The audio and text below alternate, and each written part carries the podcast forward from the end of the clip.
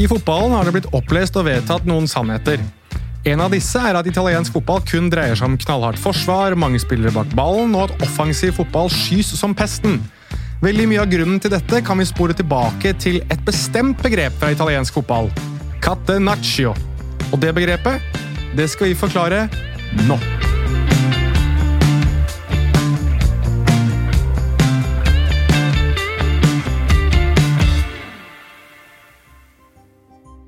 Husker dere hvordan vi i episoden om Calcio og Scudetto snakket om at italiensk fotball gjerne har et slags kodespråk av begrep og setninger som nesten er som en slags syreprøve rundt hva man kan om den italienske fotballen? Som en slags nudge-nudge, wink-wink. Jeg burde vel kanskje kalle dette et Cosa Nostra, men det blir nok muligens feil tematikk. Men jeg tror uansett dere skjønner litt hva jeg skal fram til. Anyways, um, Catenaccio er ett av disse begrepene. Og faktisk er catenaccio fort et begrep som fort er veldig oppsummerende for hvordan veldig mange, gjerne utenforstående, betrakter den italienske fotballen. Fordi hvis Brasil er sambafotball, Spania er tiki-taka og Nederland er totalfotballen, så er Italia catenaccio. Men hva betyr egentlig catenaccio? En slags løs oversettelse av dette er hengelås, mens noen vil hevde at det er mer riktig å kalle det bolt, fordi opprinnelsen til begrepet kommer fra et annet land. I boken Do Speak Football av Tom Williams hevdes det nemlig at forgjengeren til catenaccio er begrepet verrou, som er det franske begrepet for dørbolt. Men altså, hvordan i alle dager har vi kommet dit at det er et fransk begrep som forklarer det vi anser som det mest italienske innen fotballen? Og det litt gøye her, i hvert fall for oss fotballnerder som synes denne type trivian er gøy, er at selve spillestilen catenaccio ikke ble oppfunnet av en italiener. Faktisk har den ikke engang sitt opphav i Italia til å begynne med. Fordi vi må nemlig til Sveits av alle nasjoner for å finne mannen som av de fleste omtales som opphavet til denne spillestilen. En herremann ved navn Carl Rappan er nemlig den som først iverksatte det som senere skulle bli spillestilen alle i Italia snakket om. Rappan hadde nemlig hatt suksess med en spillestil som ble oppfattet som ganske defensiv under sitt opphold som landslagstrener for Sveits. Under VM i 1938 hadde Rappans lag slått ut Tyskland, som på dette tidspunktet var opptatt av å opptre dominante. Vi kan jo kanskje ja, anta at noe av grunnen til dette var at landets leder het Adolf Hitler, men hva vet vel jeg? Uansett, dette skal ikke bli politisk. Fordi Rappan var ifølge boken Inverting the Pyramid av Jonathan Wilson, som for øvrig anses som et slags oppslagsverk for fotballtaktikk, en ganske sindig og fredfull mann, som veldig sjelden ga intervjuer. Han levde uansett i en tid der 2-3-5-formasjonen var i full effekt, mens også flere forsøkte seg på Herbert Chapmans mer kjente WM-formasjon, som vi kan si at ligner mer på 3-2-5. Kort, kort, fortalt, altså dette var fryktelig offensivt, og kun de beste spillerne og lagene fikk noe ut av dette. Sveitserne på det tidspunktet her var semiproffe, og ikke av den samme individuelle briljansen, og det forklarte Rappan i et sjeldent intervju med World Soccer i 1962. Et lag er én av to ting. Enten er det elleve individer som med sin briljans og naturlige evne kan slå deres motstander, og der er Brasil et godt eksempel. Eller så har du elleve middelmådige fotballspillere som er låst fast til et tankesett, et konsept og en plan. Denne planen skal få det beste ut av hver enkelt og skal være til lagets vinning, forklarte Rappan. Uten at vi skal prøve å billedgjøre ting mer enn nødvendig. Systemet handlet i stor grad om defensiv trygghet. Hvis vi nå tar utgangspunkt i 2-3-5-formasjonen som vi snakket om tidligere, så gjorde Rappan følgende. Han tok to av sine midtbanespillere og plasserte de bredt i banen. Dermed hadde han fire mann bak, altså en bakre firer, mens to av angrepsspillerne ble trukket dypere i banen for å gi tre mann på midten. Det gjorde at man hadde to midtstoppere. Og når motstanderen presset på venstre side, så skulle den venstre stopperen ut for å støte, mens den høyre dekket bak. Ifølge nettstedet The False Nine ble denne fotballspilleren, altså han som skulle sikre bak han som støtet, kalt og nå prøver jeg meg på litt fransk her verrouillé. Jeg vet ikke om det var riktig, men vi prøver. Uansett, dette her er avstamningen av ordet verou, som vi var inne på i stad betyr bolt. Men hvordan kommer catenaccio, eller vero, eller hva vi nå ønsker å kalle det, hvordan kommer dette seg egentlig til Italia? For det kan virke som konseptet her hadde spredt seg. I boken Culture A History of Italian Football av John Foot så hevdes det at en herremann ved navn Gipo Viani hadde prøvd det samme. Han hadde tatt ut en angriper og satt inn en forsvarer som skulle ordne opp bak eget forsvar. Ideen her var at man ville at det angripende laget skulle sende flere spillere i angrep, og ved å bryte opp spillet med denne ekstra forsvareren, så kunne man suse i eget angrep på kontring. Ideen rundt denne ekstra forsvareren hadde Viani, ifølge Foot, fått ved å sitte på bryggekanten i byen Salerno, der han trente Salernitana, som for øvrig fremdeles spiller i Serie A.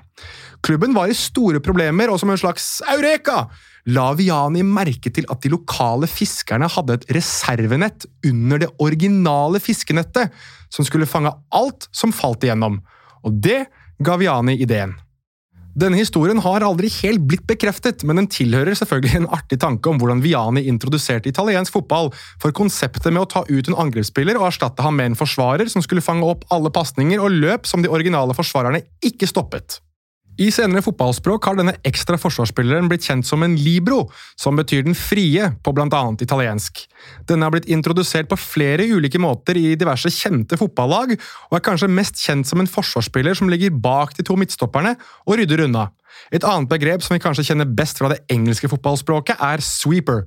Rollen er veldig ofte veldig lik.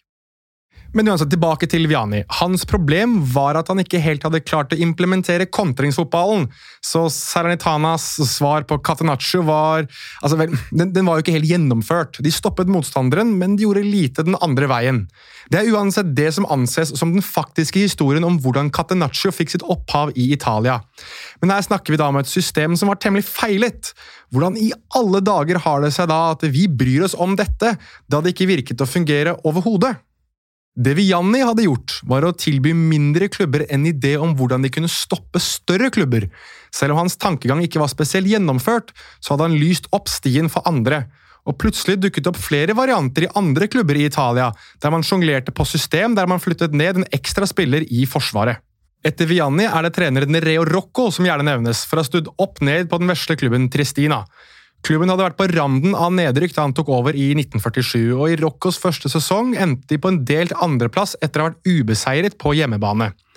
Fotballen var på vei inn i en defensiv revolusjon i Italia, for la oss ta noen tall som Wikipedia viser til på sine sider over de diverse ligaene, men som også brukes som poeng av Jonathan Wilson i hans bok. I 1947-48-sesongen vant det fantastiske Torino-laget ligaen, med hele 125 skårede mål. Fem sesonger senere, i 1952-1953-sesongen, var det Inter som vant tittelen. Og hvor mange mål skåret de? 46. 46 mål på 34 kamper, nesten 30 mindre enn Juventus på andreplass. Til gjengjeld så slapp de inn kun 24 mål. I Foots bok beskrives det at Inters stil under trener Alfredo Foni ble ansett som antifotball og drev supportere vekk fra tribunen. Men skal vi inn i Catenaccios virkelige prime, så skal vi inn på 1960-tallet. Og vi skal holde oss i Inter. Vi har forklart Catenaccio som konsept, som en kynisk, defensiv og effektiv spillestil, men igjen, er det egentlig noen grunn til at vi syns det er verdt å basere en hel fotballfilosofi rundt dette her? Kanskje ikke. Vel, hvis ikke det hadde vært for Elenio Herrera. Tid for fotball forteller historien om Il Grande Inter, det store interlaget på 1960-tallet. Det laget er et av få som kanskje huskes best for sin trener enn for sine spillere. Herrera hadde hatt gode opphold i spansk fotball med klubber som Atletico Madrid og FC Barcelona før han ble intersjef i 1960. Herreras problem var ifølge Foot at han var Hold dere fast for offensiv! Inter vant rett og slett ikke titler med Herreras angrepsfotball i løpet av de første sesongene. Og Her kan vi kanskje foreslå en slags villain origin-historie. altså typ, Hva gjorde at The Joker ble fullstendig gal og ville skape komplett kaos? Eller hva skjedde som gjorde at søte lille Anakin Skywalker til slutt ble Darth Vader? Herrera gikk nemlig fra å være den positive fotballens forkjemper i hvert fall for mange, til å bli en slags diktator. Han uttalte nemlig at hans lag hadde vunnet kamper før de gikk av bussen, og snakket i store sitat som skulle repeteres som mantra av spillerne. Man bygget en slags oss mot verden-mentalitet, og man skulle aldri noensinne gi et Ok, Jeg stopper litt, for helt seriøst. Jeg vet at dette er Elenio Herrera vi prater om, men dette her er vel strengt tatt José Mourinho også, er det ikke? Altså, det er jo strengt tatt historien om begge to. Det eneste som kanskje skiller de lite grann, da, er at Mourinho, i hvert fall ikke som vi vet om, hadde det som ble kalt retiro, slik som Herrera gjorde. For der ble spillerne innlosjert før kamp, de hadde spesielle dietter, og oppførselen deres var under oppsyn hele tiden. I Foots bok, som vi har referert til tidligere, beskrev Jerry Hitchens, som spilte for Inter på den tiden, at å forlate klubben var som å forlate det jævla militæret. Og Nå lurer du sikkert på hva alt dette har med Catenaccio å gjøre, men sannheten er at det ble en slags idé om at Catenaccio ikke lenger bare var en spillestil, men en slags kynisk tankegang der Elenio Herrera var filosofiens fremste forkynner. På banen ble det introdusert en ren libro bak en bakre firer, ofte var dette kaptein Armando Picci. Laget skulle absorbere mest mulig av motstandernes angrep, og så suse på kontring med vingbekkene. Legendariske og målfarlige Giacinto Facchetti som en offensiv venstreback, og brasilianske Jair som en ren wingback. På midten skulle Luis Suárez, altså den originale altså Det fantes faktisk en Luis Suárez før han som ja, han fra Uruguay som har bitt noen motstandere også. Altså, glem det, uansett. Denne Luis Suárez, altså han fra Spania, han skulle styre og stelle i angrepet. Og med Herreras Catenaccio vant Inter serien tre ganger og serievinnercupen, dagens Champions League, to ganger. Og Herrera, som en karismatiker han er, uttalte følgende. Jeg oppfant Catenaccio. Problemet er at de som forsøkte å kopiere meg, har kopiert meg feilaktig. De glemte å legge ved mine offensive angrepsprinsipper, som mitt Catenaccio inkluderte. Det store Inter-laget falt sakte, men sikkert sammen etter tapet for Celtic i Champions League-finalen i 1967, hvilket av mange for øvrig anses som det endelige punktummet for Il Grande Inter under Elenio Herrera. Og videre etter dette laget så skulle Juventus med Libron Gaetano Chirea prege mye av 1970- og 1980-tallet, men med en del av prinsippene Inter og Herrera hadde stått for tidligere. Selv om kanskje spillestilen Catenaccio dør mer og mer ut og får sitt endelige nådestøt av Arigosakis fantastiske AC Milan-lag på 80- og 90-tallet, der det for øre var snakk om soneforsvar av høyt press, som var litt uvanlig for italiensk fotball på det tidspunktet, så var det likevel et argument for at Catenaccio beveget seg fra å være en spillestil til en tankegang. Der mange ville sagt ah, så typisk italienerne, kaste bort tid, kyniske fellinger, kjefting på dommeren, kan dette kanskje romantiseres med et skuldertrekk og en tanke om at ja, ja, dette er jo bare Catenaccio. José Mourinhos Interlag, husker dere han? Vi nevnte jo han tidligere i episoden. Uansett, Hans lag i 2009-2010-sesongen ligner ikke veldig på Ereras lag, men har elementer av det samme Catenaccio. Otto Rehagel, som ledet Hellas til EM-tittel i 2004, spilte også en hyperdefensiv fotball, og suste i vei på kontringer. Og det er jo noe Catenaccio over det også. Så selv om vi kanskje ikke ser verken Libro eller 352 like utbredt som før, så kan man kanskje oppsummere Catenaccios historie fra sin sveitsiske bakgrunn til tur over Alpene, til en spillestil for de små klubbene, for så suksessformel for de store klubbene, som en som har blitt såpass utbredt at den heller nå anses som en del av den italienske fotballen. Selv om det ikke oppsummerer italiensk fotball, gir den kanskje et innblikk i hva den italienske fotballen kan stå for, og hva den kanskje, periodevis, har handlet mest om.